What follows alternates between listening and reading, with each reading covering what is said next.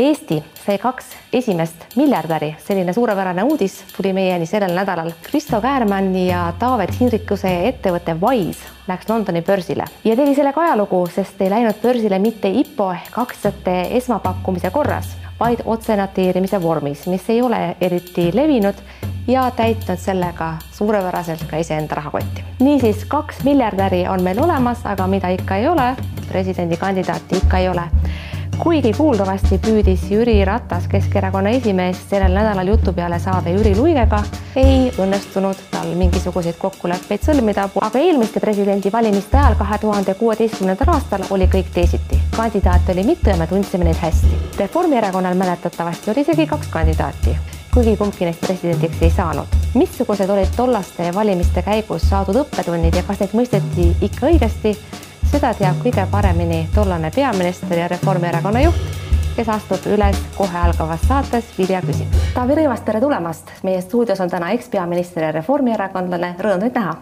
aitäh kutsumast. ma ei suuda oma silmi uskuda, Taavi Rõivas, teil ei ole jalas sokke. kuidas see võimalik on, ma eeldasin, teil on täna vähemasti roosad sokid, aga ei no kaks tuhat neliteist Eesti meedia jaoks oli see tohutu kuum uudis, kui, kui ma täiesti praktilistel põhjustel äh, mustad sokid vahetasin mõnikord värviliste vastu, täna ei imestaks enam keegi, et äh, võib-olla oleks teadnud, et teil kaader võtab nii täiskaadris, siis oleks midagi viisakamat jalga pannud arusaadav, aga mitte sellest ei tahtnud rääkida. soojenduse korras, enne kui me läheme asjade juurde, millest, mille pärast ma teid tegelikult siia kutsusin mhm. -huh. tahaksin äh, tunda huvi selle vastu, kuidas teil praegu läheb ja mida te praegu teete. ma saan aru, et te olete väga tegus, teil on hea elu ja teil on töö, mis just väga konti ei murra Väino Kaldaja on teid võtnud siis oma firma nõukogu esimeheks. aga nõukogu Mulle... esimees ei ole ju selline täiskohaga töö, see on selline juhatuse esimees teeb palju tööd, aga teil on ilmselt palju aega. meil teeb, meil teevad nii nõukogu esimees kui juhatuse esimees kui tegelikult veel äh, rohkem kui viiskümmend inimest, kõik väga palju tööd. iga päev käitegi tööl. ja see on muidugi hea ettekujutus, et, et rahvusvahelise tehnoloogiaettevõtte ehitamine on selline lihtne asi, mis konti ei murra, aga aga praktikas muidugi see nii lihtne ei ole, et, et kui me vaatame kõrvalt neid Eesti edulugusid, kes ähm, kes on jõudnud kaugele ja kes on suutnud ka rahvusvaheliselt läbi lüüa, siis kõrvalt vaadates tundubki, et mis see siis ära ei ole ja juba ongi, näed, äh, direct listing kuskil Londoni börsil ja juba ongi miljardid jooksevad, et selle taga on tegelikult ikkagi ööd ja päevad rasket tööd. ja, ja meie oleme selle teekonna alguses, et me teeme Auvetekis asju, mida mitte keegi teine maailmas ei ole teinud, ka esmaspäeval esitlesime koos Tartu Ülikooliga maailma esimest autonoomset vesinikusõidukit. meie suurem ambitsioon on tuua rohkem inimesi äh, nii-öelda isiklikest autodest välja sõitma ühistranspordiga ja aidata siis kaasa, et ühistranspordi seda viimast otsa kuni siis ukseni tooks meie autonoomsed sõidukid ja tehnoloogiliselt oleme juba kohal, äh, aga loomulikult on meil veel pikk tee minna, nii et äh, ma, see ei ole üldse lihtne töö, aga see on väga põnev töö. ma ei lase rohkem rääkida sellest, sest muidu läheb asi kätte sisuturunduseks, kuid lubage huvi tunda, Papa Kaldoja ei võtnud teid ju ometi väikese palga peale, missuguste suurusjärkudega me võiksime arvestada, ma pakun, see võib olla ikkagi kaks-kolm riigikogulase palka vähemasti ei no need ei ole kindlasti need teemad, millest me täna tulime siia rääkima, et. no seda soojenduse korras. ja muidugi, muidugi, aga, aga hea katse, lähme järgmise teema juurde me ei saa teada, teie rahakotti pilku ei saa heita. aga ma vaatan, aega on siiski palju, te tahate kolida uude koju sügisel, te hakkasite treenima Ironmaniks, valmistuma selleks suureks spordiürituseks ja pealegi teete ka veel helikopterilube.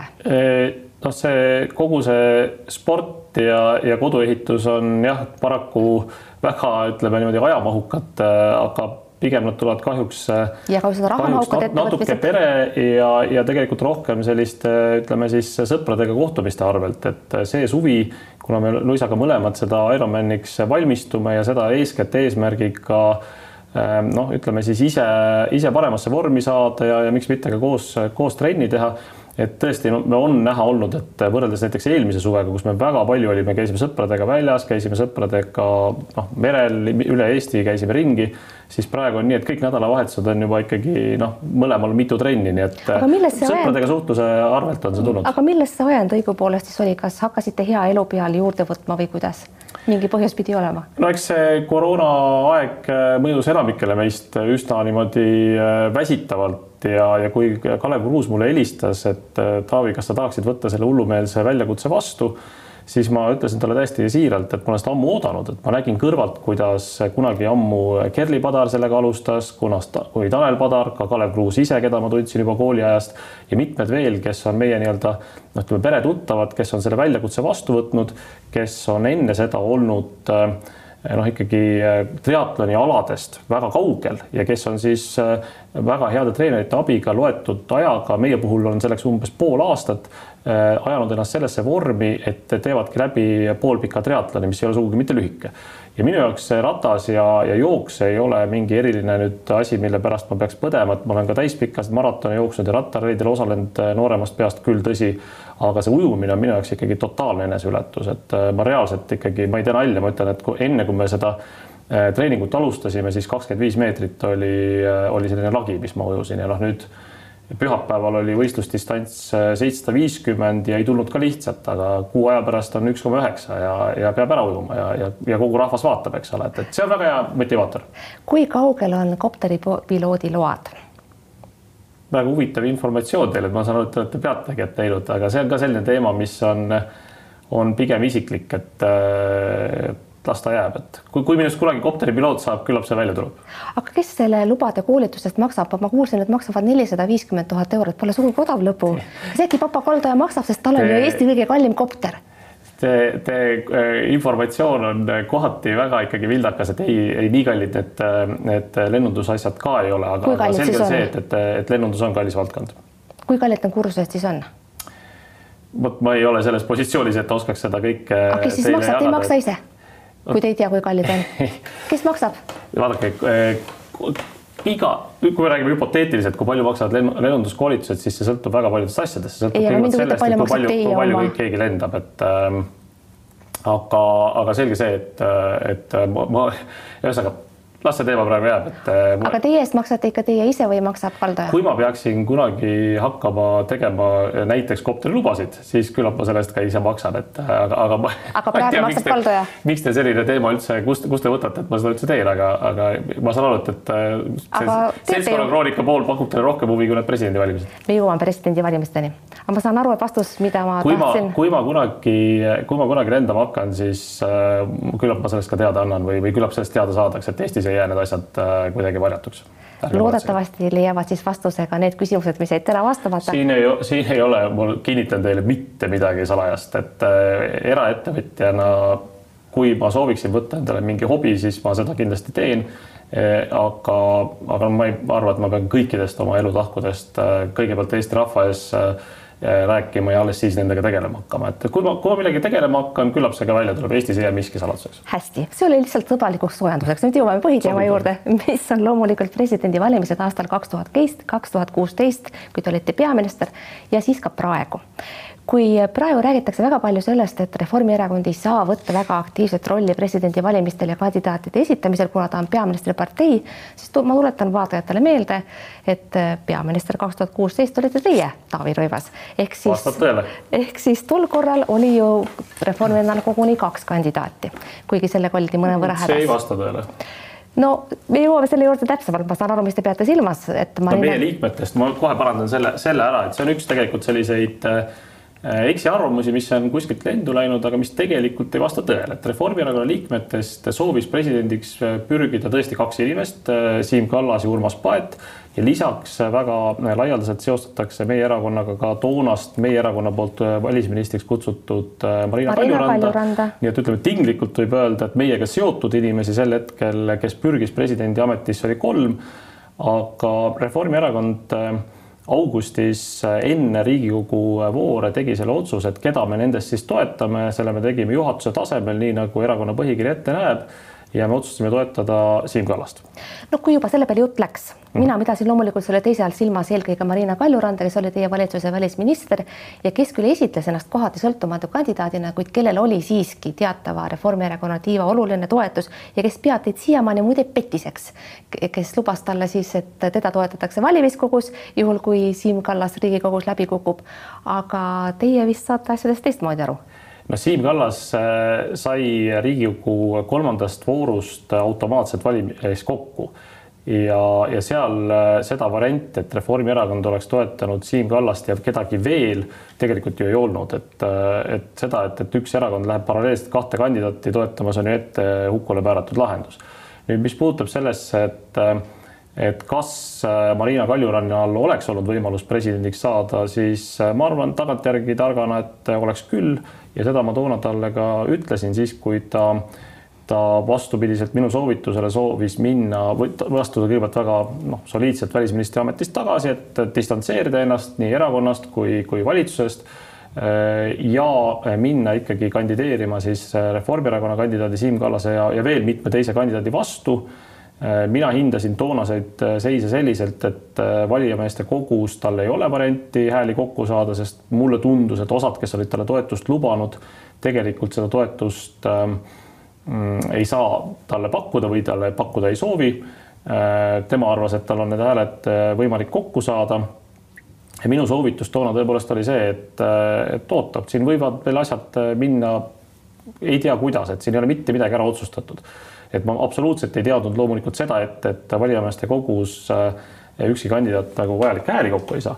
aga mida ma seal äh, oskasin ette arvata küll või mis oli, märgid olid õhus, oli see, et erakonnad tegelikult ei olnud üles näidanud mingit väga noh, sellist äh, koostöötahet või, või, või valmisolekut siis nende ütleme siis üksteise kandidaate toetada ja, ja see, see näitas, et, et see tõenäosus, et valijameeste kogus ei jõuta presidendini, on ikkagi täiesti olemas.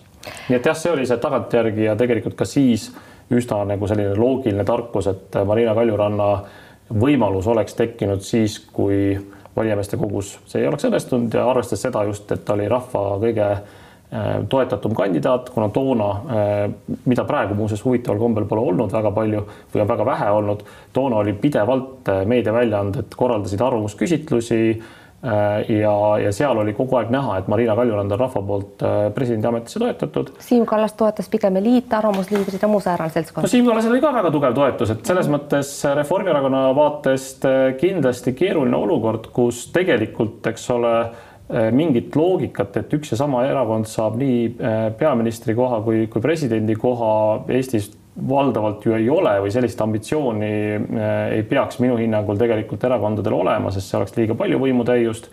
aga samas on kaks kõige populaarsemat rahva silmis kandidaat just nimelt Reformierakonnaga seotud ja ka meie kolmas kandidaat Urmas Paet oli seal täiesti kenasti kuskil, kuskil figureerimas, et, et kolme peale kokku neil oli, ma arvan, mingi viiskümmend protsenti toetust. jah, aga mis teil sellest kasu oli, kui te tagantjärele vaatate selle olukorra peale mhm. -huh. siis noh, teile tookord heideti väga palju ette, et olete nagu kits kahe heinakuhja vahel ja valida ei suuda ja no olgem ausad, see olukord oligi raske, mõlemad kandidaadid olid head. Kas te tagantjärele teeksite midagi teisiti? no kõigepealt äh, me ikkagi selle valiku tegime, et äh, samas ma ütleks, et pigem oli see, see probleem selles, et et äh, kõik erakonnad tegid oma valiku, tegid oma valiku väga ruttu ja, ja jäid sellesse valikusse väga kinni me mäletame, et juba kevadel käisid ennast välja erinevad presidendikandidaadid. Siim Kallas oli esimene aprillikuus, eks ole. aga ka mitmed teised, sealhulgas, eks ole Äh, siis Jõks ja, ja Reps ja, ja Helme ja kes nad kõik olid ja, ja kõigil oli äh, ka Nestor, kõigil neist, neid oli ikkagi oma erakonna või noh, enamikel neist, kes olid nagu siis erakondade äh, nii-öelda seotud, oli oma erakonna toetus aga sellega ka asi piirdus. et oli kaks erandit, kus, kus tegelikult erakonnad leppisid kokku või siis toetasid koos ühte kandidaati üks, mis mul oli tegelikult juba äh, siia saatesse tulles hakkab meelest ära minema, oli see, et äh, et Jõksi toetas mitte ainult Isamaa toona, vaid tegelikult ka Vabaerakond, aga noh, neid oli kahe peale ikkagi kokku suhteliselt vähe ja, ja sellest ei piisanud mingiks laiemapindseks toetuseks. ja teine äh, toetus, kus siis oli kahel erineval kandidaadil eri faasides või oli võime, ütleme, valmisolek siis üksteist toetada ja ka toetati oli see, kui Reformierakond ja sotsid leppisid kokku, et kumb iganes, kas siis Nestor või Kallas, kumb neist Äh, saab veel kellegi toetusest, no meie kahe toetusest ei piisanud. ma tuletan vaatajale siinkohal meeles, võib-olla nad ei mäleta mm -hmm. seda, et Riigikogu esimeses voorus tegelikult Siim Kallas ei kandideerinud mm, -hmm. seal oli Eiki Nestor, kes on tihtipeale juba selles kontekstis meelest ära läinud ja siis Nestor muidugi hääli kokku ei saanud, teises voorus tuli Siim Kallas välja, aga tema ei saanud kokku. just, aga seal oli see loogika, et, et noh, me kahe peale kokku sotsidega, me teadsime seda, see ei olnud mingi noh, illusioon, et meil ei ole võimalik hääli kokku saada, aga et kui me kahe peale kokku äh, toetame ja emb-kumb kandidaat, äh, Nestor või Kallas, suudab veel saada toetust juurde, siis me olime mõlemad valmis täiesti aktsepteerima, et, äh, et siis vastavalt siis kas siis Nestor või Kallas saabki presidendiks. Nüüd noh, see, et, et Nestor oli enne ja, ja Kallas pärast, see oli pigem selline meiepoolne žest siis koalitsioonipartnerile, et, et noh no,, see on selline vahe, see oleks võinud teistpidi ka olla. seda nimetatakse teiste sõnadega poliitmängudeks. ei, see ei ole mingit mängu, see oli tegelikult täiesti siiras katse erakondade vahel äh, Äh, nagu koostööd teha. aga sellega see koostöö lõppes, et kui me edasi vaatame, siis tegelikult äh, noh, kuni lõpuni nende kandidaatide vahel, keda erakonnad olid välja käinud oma kandidaatidena, mitte keegi ei, ei olnud äh, valmis teiste kandidaate väga toetama. Noh, kõige nagu ütleme siis reljeefsem oli see, see Mart Helme puhul, kes, kui ma õigesti mäletan, arvut- või õigesti arvutan, siis ei saanud tegelikult ju valijameeste kogus isegi. kuusteist häält oli see tulemus. et ta ei saanud vist isegi kõiki EKRE hääli seal kokku, et. aga kui me vaatame korraks veel sinna Riigikokku tagasi, me võib-olla ei jõua kõiki voore üks, ühe ükshaaval läbi käia, kuid kolmandas voorus, kui tulid need kolmkümmend tühja sedelit, siis ma arvan, teil pidid ikka hakkama juba häirekell peas lööma, et see tühjade sedelite probleem võib teid tabada ka valimiskoguseni läks? ei, ei, see ei olnud nagu, selles mõttes ei olnud üllatus, et, et, et nagu ei ole nagu seda kokkulepet, ma arvan, et kui oleks olnud ju erakondade vahel kokkulepe, siis seda oleks ju erakondade juhid ju teadnud, et, et seal ei olnud valmisolekut äh, nagu laialt kokku leppida ja, ja ainukene nagu võimalus, et, et läheb läbi äh, keegi, on siis see, et, et kui on lõpus kaks kandidaati et siis ikkagi ühe või teise poolt kõik valijamehed hääletavad. tagantjärgi me teame, et äh, umbes kuuskümmend valijameest äh, otsustas äh, noh, teha selle käigu, et need presidendivalimised nurjata ja noh, ütleme põhiseaduses on selline võimalus ette nähtud, läheb Riigikokku tagasi ja, ja lõpuks ju president leiti, et ma olen nagu kategooriliselt vastu nendele hinnangutele, kes ütlevad, et, et toonane presidendivalimiste protsess oli kuidagi äh, noh, eriliselt nagu halb või et, et tulemus oli fiasko, ei, mina ei arva, et oli fiasko, et ma arvan, et me saime päris hea presidendi ja, ja ta on äh, ju aastaid äh, Eesti presidendina töötanud. see on tegelikult üllatav, sest pärast valimisi leidsid kõik äh, noh, üldiselt tekkis paljudes erakondades arusaam ja selline isegi erakondade ülene arusaam, rääkimata avalikust arvamusest, et tulemus võis ju olla hea, Kersti Kaljulaidiga ollakse, ollakse ju paljudel juhtudel ikkagi rahul, aga see protsess, mismoodi ta lõpuks ametisse sai, ei olnud rahuldav, kuigi see on legitiimne no,. See, ega see protsess on, on paigas Eesti põhiseaduses ja vot selle põhiseadusega, ega mina ei olnud põhiseaduse eh, loomise juures, aga minu jaoks tundub see igati loogiline, et põhiseaduse loojad on ette näinud, et presidendi valimiseks peab Äh, olema rohkem hääli, kui eeldatavalt ühel või teisel valitsusel on. et kui ma nüüd kiiresti arvutan, siis ma ei mäleta ühtegi äh, valitsust, kellel oleks olnud nii palju hääli parlamendis, et president ise ära valida, nii et ma usun, et see on teadlik valik olnud äh, põhiseaduse autorite poolt, et siis peab leidma nagu laiema konsensuse. aga ometi ei olnud erakonnad tookord selleks valmis, et valimiskogus kõik vastu taevast lendab no,, ei olnud ju noh, kes siis kõik tahavad ikkagi ju äh, Kersti tulemust, aga, aga kui me vaatame presidendivalimiste ajalugu, siis äh, vaevalt, et oldi valmis ka toona, kui lõpuks Lennart Meris sai president, et, et see juhtub ei tea mitmendas voorus. Äh, me mäletame tegelikult seda korda, mis oli kaks tuhat üks, mis päädis siis Arnold Rüütli presidendiks saamisega, kus kus tegelikult ju parlamendis ja enne seda olid hoopis teised äh, kandidaadid, hoopis teised kampaaniad, seal võttis ka väga pikalt aega kogu see, kogu see kampaania. toona tehti, ma mäletan ise juba isegi aastavahetusel kampaaniat ja laialdaselt ka rahva ees, siis oli veel nagu veelgi nagu samme edasi, et kui eelmine kord oli hästi palju tegid presidendikandidaat kampaaniat noh, nii-öelda põllul, mõeldes siis äh, vallavanemate ja, ja vallavolikogu esimeeste juures, siis kaks tuhat üks ma mäletan seda Äh, väga hästi, kui tehti kampaaniat ka rahva ees, mis noh, tegelikult jällegi tagantjärgi mõeldes, et see loo toona loodeti, et, et see rahva toetus toob siis ka kasu äh, presidendiks saamisel, et, et mängiti just selle peale. Aga, aga ka toona, eks ole, lõpuks äh, tuli presidendi tulemuste nii-öelda lõppvoorus äh, presidendiks Rüütel. paar sammu tagasi võttes te ütlesite, et teie hinnangul saime hea presidendi ja protsessi ei ole põhjust arvustada. ometi no,. see on põhiseadusega, mis me, me tegime kõike põhiseaduse järgi, et mis, mis siin ikka arvustada.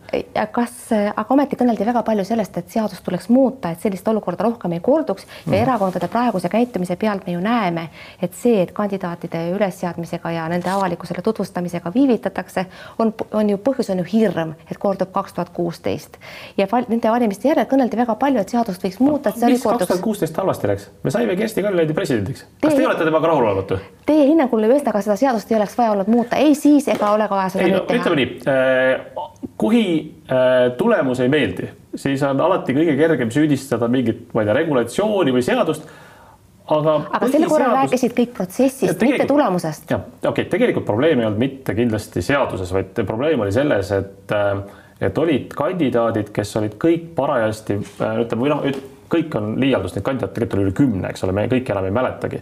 aga olid paljud kandidaadid, kes olid äh, liiga ühe või teise erakonna nägu ja ei olnud valmisolekut teiste erakondade poolt kedagi nii-öelda noh, ütleme siis väga poliitilist, ma ei taha kuidagi sildistada, aga ütleme nagu kedagi, kes on teise erakonna nägu, toetada. see oli see situatsioon ja selles situatsioonis tegelikult ilmselt oligi siis järelikult vaja sellist presidenti nagu on Kersti Kaljulaid, kellel küll on ka ajaloos, eks ole, olnud kontakti või ütleme siis mitte kontaktid, vaid kes on ju Isamaa liige olnud, aga kellel sellist, ütleme, tugevat päevapoliitilist äh, templit ei olnud ja oli vaja teda järelikult selles kontekstis, et, et, et, et selline inimene, kes ei oleks ühe või teise partei nägu, liigselt saaks siis äh, presidendiks. hästi, aga räägime ja, sellest. ja see nüüd kohe tagasi tulles, lihtsalt lõpetan selle mõtte, et jah, oli tõesti nii, et, et vahetult peale presidendivalimisi olid veel emotsioonid kuumad, kõik rääkisid, nüüd teeme süsteemi ümber, eks ole, kõik hakkab muutma. aga kus see on? Noh, praegu pole midagi ümber tehtud. aga küsiks ma teie käest, kuhu, miks see nii läks, et ei tehtud ümber? ma ei tea, mina ei ole kunagi arvanud, et peaks midagi ilmtingimata nagu seadusest viga otsima, et äh, pigem äh, ikkagi äh, järelikult need, ütleme siis kas siis kandidaadid või ka erakonnad, kes ühte või teist kandidaati toetasid, hindasid võib-olla seda situatsiooni nagu üle, et, et on valmisolek kellegi teise poolt nende kandidaati toetada ja, ja jäid võib-olla liiga pikalt oma kandidaatidesse kinni aga samas ma, ma selles mõttes ei heida ka ühelegi erakonnale midagi ette, et, et see situatsioon oligi see, et kõikidel erakondadel, kõigil oli oma kandidaat ja kõik tahtsid sellega lõpuni minna. seal ei olnud mingit valmisolekut mitte kellegi poolt, et ei saa öelda, et keegi oli kuidagi kuidagi parem või, või et keegi oli kuidagi kompromissi altim. hästi, jätame kahe tuhande kuueteistkümnenda aasta sinna, kus ta on, räägime sellest, missugune on seis praegu. praegune mm -hmm. seis on see, et mingit debatti ei toimu, väga üksikud nimed on üldse teada ja ma ei hakka neid nimetama, need on juba kõigil pähe kulunud mm. -hmm. kuidas hindate teie erakondade rolli praegu presidendivalimisteks valmistumisel? Noh, passiivseks ütleme pigem. Äh, mis ma natukene mind äh, võib-olla häirib või, või mis on tegelikult, mida tasub nagu mõelda, ütleme siis nii, on see, et, et äh, kõik meediaväljaanded, kes sel teemal on nagu arvamust avaldanud, on täiesti arusaadavalt frustreeritud, et noh, võiks juba ju näha mingeid kandidaate, aga nad panevad kordamööda seda, kogu seda vastutuspakikest kas siis peaministrile või siis Riigikogu esimehele. kes on ühtlasi erakonna juhid, vabandage väga. nõus, äh, aga kes selles olukorras on mõlemad siiski ütleme üks viiest, et, et see on täiesti okei okay,, et eeldada, et Kuulge, nad on valitsusparteid ja kõige suuremad. Nad on suuremate parteide, aga, aga nii kui te ütlete meedia poolt välja, et vastutab, võtame, ütleb, vastutab Jüri Ratas, eks ole. nii kui te ütlete, et vastutab Jüri Ratas, tema peab leidma presidendi, hinne üks või mis seal Postimehes kirjutas, eks ole, või oli see Päevaleht? Eesti Päevaleht. Päevaleht kirjutas hinne üks, eks ole. nii, ja, ja Postimees kirjutas vist siis Kallasele, et, et tema peab olema aktiivsem, eks ole, et, et suurepärane, suurepärane see arvamuste paljus, aga mõte on sama, et peab olema nagu just keegi nagu suurtest võtma selle. aga kes nii, siis peab? ma kohe-kohe lõpetan ja, ja siis nii kui te kirjutate, et selle vastutab näiteks Jüri Ratas selle eest, siis vaatab Helir-Valdor Seeder või ka näiteks Martin Helme rõõmsalt pealt, eks ole, et vot kuidas nüüd Jüri Ratasel siis see ebaõnnestub, eks. et tegelikult äh, aus on ju öelda, et äh, kõik viis erakonda, kes on parlamendis noh, pluss veel ütleme valimisliidud ja nii edasi, aga noh, keskendume nendele viiele erakonnale, kes ikkagi moodustavad Eesti poliitika tuumiku. Need viis erakonda, neil on kõigil vastutus ja ei saa olla nii, et, et Helir-Valdor Seeder ütleb, et tema ei huvita üldse midagi või et, et, et Indrek Saar. muidugi Saare tunnustuseks tuleb öelda, et, et ta on mitmetel puhkudel ka väljendanud, et noh, sotsid on ikkagi valmis ühte või teist kandidaati toetama. ja te unustate ära, et EKRE-l on oma presidendikandidaat ainsana erakondadest no ja selle EKRE puhul äh, on häda muidugi see, et ma kardan ja jällegi see on minu nagu nii-öelda poliitikavaatleja oletus, et mul ei ole siin mingit nagu noh, ütleme mingit erakondade siseinfot, aga, aga ma kardan, et see läheb jälle sedamoodi, et EKRE kuni lõpuni hoiab kinni oma kandidaadist ja väga ei ole nõus nagu koostööd tegema. et selles mõttes kõikidel ülejäänutel ehk siis neljal erakonnal on, on see mänguväli veel kitsam, ehk siis nad peavad arvestama selle umbes natuke rohkem kui kaheksakümne kohaga, mis neil nelja peal on. teate, te, te ikkagi tahate lükata praegu vastutuse väiksemate erakondade peale ja, ja vähem rääkida Reformi ja Keskerakonna rollist, kes on suured erakonnad ja üks neist on valitsuspartei, teise juht on Riigikogu esimees ma küsin siis niimoodi, kas Jüri Ratas, kui ta räägib praegu, et ta otsib presidendikandidaati ja näiteks püüab mm -hmm. ära rääkida Jüri Luike, kellel arusaadavasti ei ole mitte mingisugust huvi minna Riigikokku läbi kukkuma, rolli mängima sinna mm, -hmm. kas ta on siiras? kust mina tean kus mina tean, et kas Kaja mõttes... Kallas on siiras, kui ta räägib, et ta teeb kohutavalt palju tööd selle nimel, et leida kandidaati? Eh, ma usun, et nad eh, kindlasti teevad, aga lihtsalt ei, ma ei taha ka öelda, et, et nüüd, et Kaja Kallas või Jüri Ratas ei peaks üldse selles protsessis, muidugi peavad, aga lihtsalt minu nagu see sõnum on see, et eh, kui meedia või ükskõik noh, avalikkus võtab selle hoiaku, et see on nüüd ühe partei probleem või ühe partei esimehe probleem, siis kõik teised nagu vaistlikult vaatavad, et noh, las ta siis kõrbeb. et, et meedia on jälle süüdi, jah? ei, kuulge, ma ei ole Savisaar, kes meedias süüdi, sest kaugel sellest, ma olen, ma olen olnud läbi ajaloo, ma arvan, Eesti, Eesti vaba meedia üks, üks suuremaid toetajaid, kuni selleni välja, et ma sain ka see, seisin selle eest, et Talli-, minu meelest Tallinna Televisioon ei ole vaba meedia, aga see on eraldi teema, et, et, teda ei tuleks kohelda sarnaselt. ma lihtsalt juhin vaataja tähelepanu, et kritiseerite siin tänaseid juhtkirju. aga ei, ei asi on selles, ma lihtsalt, eh, ma ei kritiseeri, ma ütlen seda, et et nii kui seda võib, või meedia on vaba arvama, mida iganes soovib, aga kui meedia nii arvab, siis see lihtsalt viib selleni, et teised erakonnad äh, vaatavad pealt, kuidas siis äh, näiteks Jüri Ratas äh, selles olukorras kõrbeb. ja aga ütleme kõikides muudes küsimustes, mis riigielus on, esimene vastutus on alati peaministril ja, ja mitte üheski riigielu küsimuses, olgu selleks pandeemia, olgu selleks julgeolekuteemad, mitte kunagi ei saa president või peaminister öelda, et, et, et see ei ole nagu tema asi, vaid tema ei mängi seal esimest liidut, alati mängib. aga nüüd küsimuses, mis on ütleme siis põhiseaduse järgi pandud äh, nagu laiemale, ei saa seda, noh, sest see ei ole valitsuse, kui oleks valitsuse otsustada, ma arvan, et Jüri ja Kaja ja, ja kõik nad oleks juba kokku leppinud selle tõenäoliselt. et kui see valitsuse pädevus ainult oleks, on ju, võib-olla ei oleks ka, ma ei tea, aga see oleks kindlasti lihtsam. aga praegu on vaja teha seda, et on vaja saada nelja erakonna vahel, äh, kellel on siis või noh, teoreetiliselt viie, aga ma ütleks, et praktikas mulle tundub, et nelja vahel umbes kaheksakümnest kohast, kes nendel on, leida siis see äh, inimene, keda toetaks kuuskümmend kaheksa. see ei ole üldse lihtne ülesanne ja see minu meelest vastutavad kõik erakonna esimehed solidaarselt ja, ja kõik erakonnad peavad seda pingutama selle nimel. hästi, Taavi Rõivas, meie aeg on piiratud, lõpuks viimane küsimus. keda tahaksite teie ise näha presidendina, järgmise presidendina? no mul on selles mõttes äh, lihtne, et, et minul ei ole ühtegi häält ja, ja ma ei esinda ka mitte kedagi. Te pole enam, te pole enam aktiivses poliitikas, võite nime välja öelda. ja, ja ausalt öeldes äh, ma, ma vaataks edasi, et, ähm, et praegu minu hinnangul me vajame jälle või taas seda äh, või ka jätkuvalt seda presidenti, kes teeks Eestit suuremaks rahvusvaheliselt. meil on vahepeal siin olnud aastad, kus, kus valitsus on kahjuks teinud selliseid pingutusi, mis mis ütleme Eesti sellisele rahvusvahelisele mainele ja, ja see digiriigi kuvandile ja nii edasi ei ole kõige paremini mõjunud. Aga Eesti on jätkuvalt väga-väga edukas riik ja, ja sellest on põhjust äh, ka rahvusvaheliselt rääkida ja, ja see on oluline teema. Ja ma ootan tea, ikkagi ma... nime, ma ootan ikkagi nime. kui ma peaks täna ühe nime ütlema, siis ma ütleks, aga miks mitte ei võiks praegune president jätkata, et aga ma, see, ma arvan, et see tegelikult on loogiliselt võttes ka üks kõige, kõige tõenäolisemaid stsenaariume, sellepärast et, et kui ei leita nagu ütleme siis kedagi, kes kõigile nagu, on mingi uus kandidaat, kes kõigile tohutult meeldib ja ma ei näe seda praegu juhtumas, siis minu meelest miks mitte kokku leppida olemasoleva presidendi peale mis te arvate, kui tõenäoline see kokkulepe on, ma pean täpsustavalt küsima. pean ütlema, et pole õrna aimugi. mulle tundub, et et, äh, et see ei ole nüüd nagu liiga lihtne, aga ma arvan, et mida päev edasi, seda lähemale me võiks sellele liikuda. ja, ja taaskord noh, mul ei ole siin mingit nagu mingit siseinfot ega, ega tunnetust, et kas see, kas see võimalik on, aga kui te küsite minu kui kodaniku arvamust, siis, äh, siis minu meelest see oleks ka üks stsenaarium, mida võib-olla tarbetult äh, vähe on kaalutud.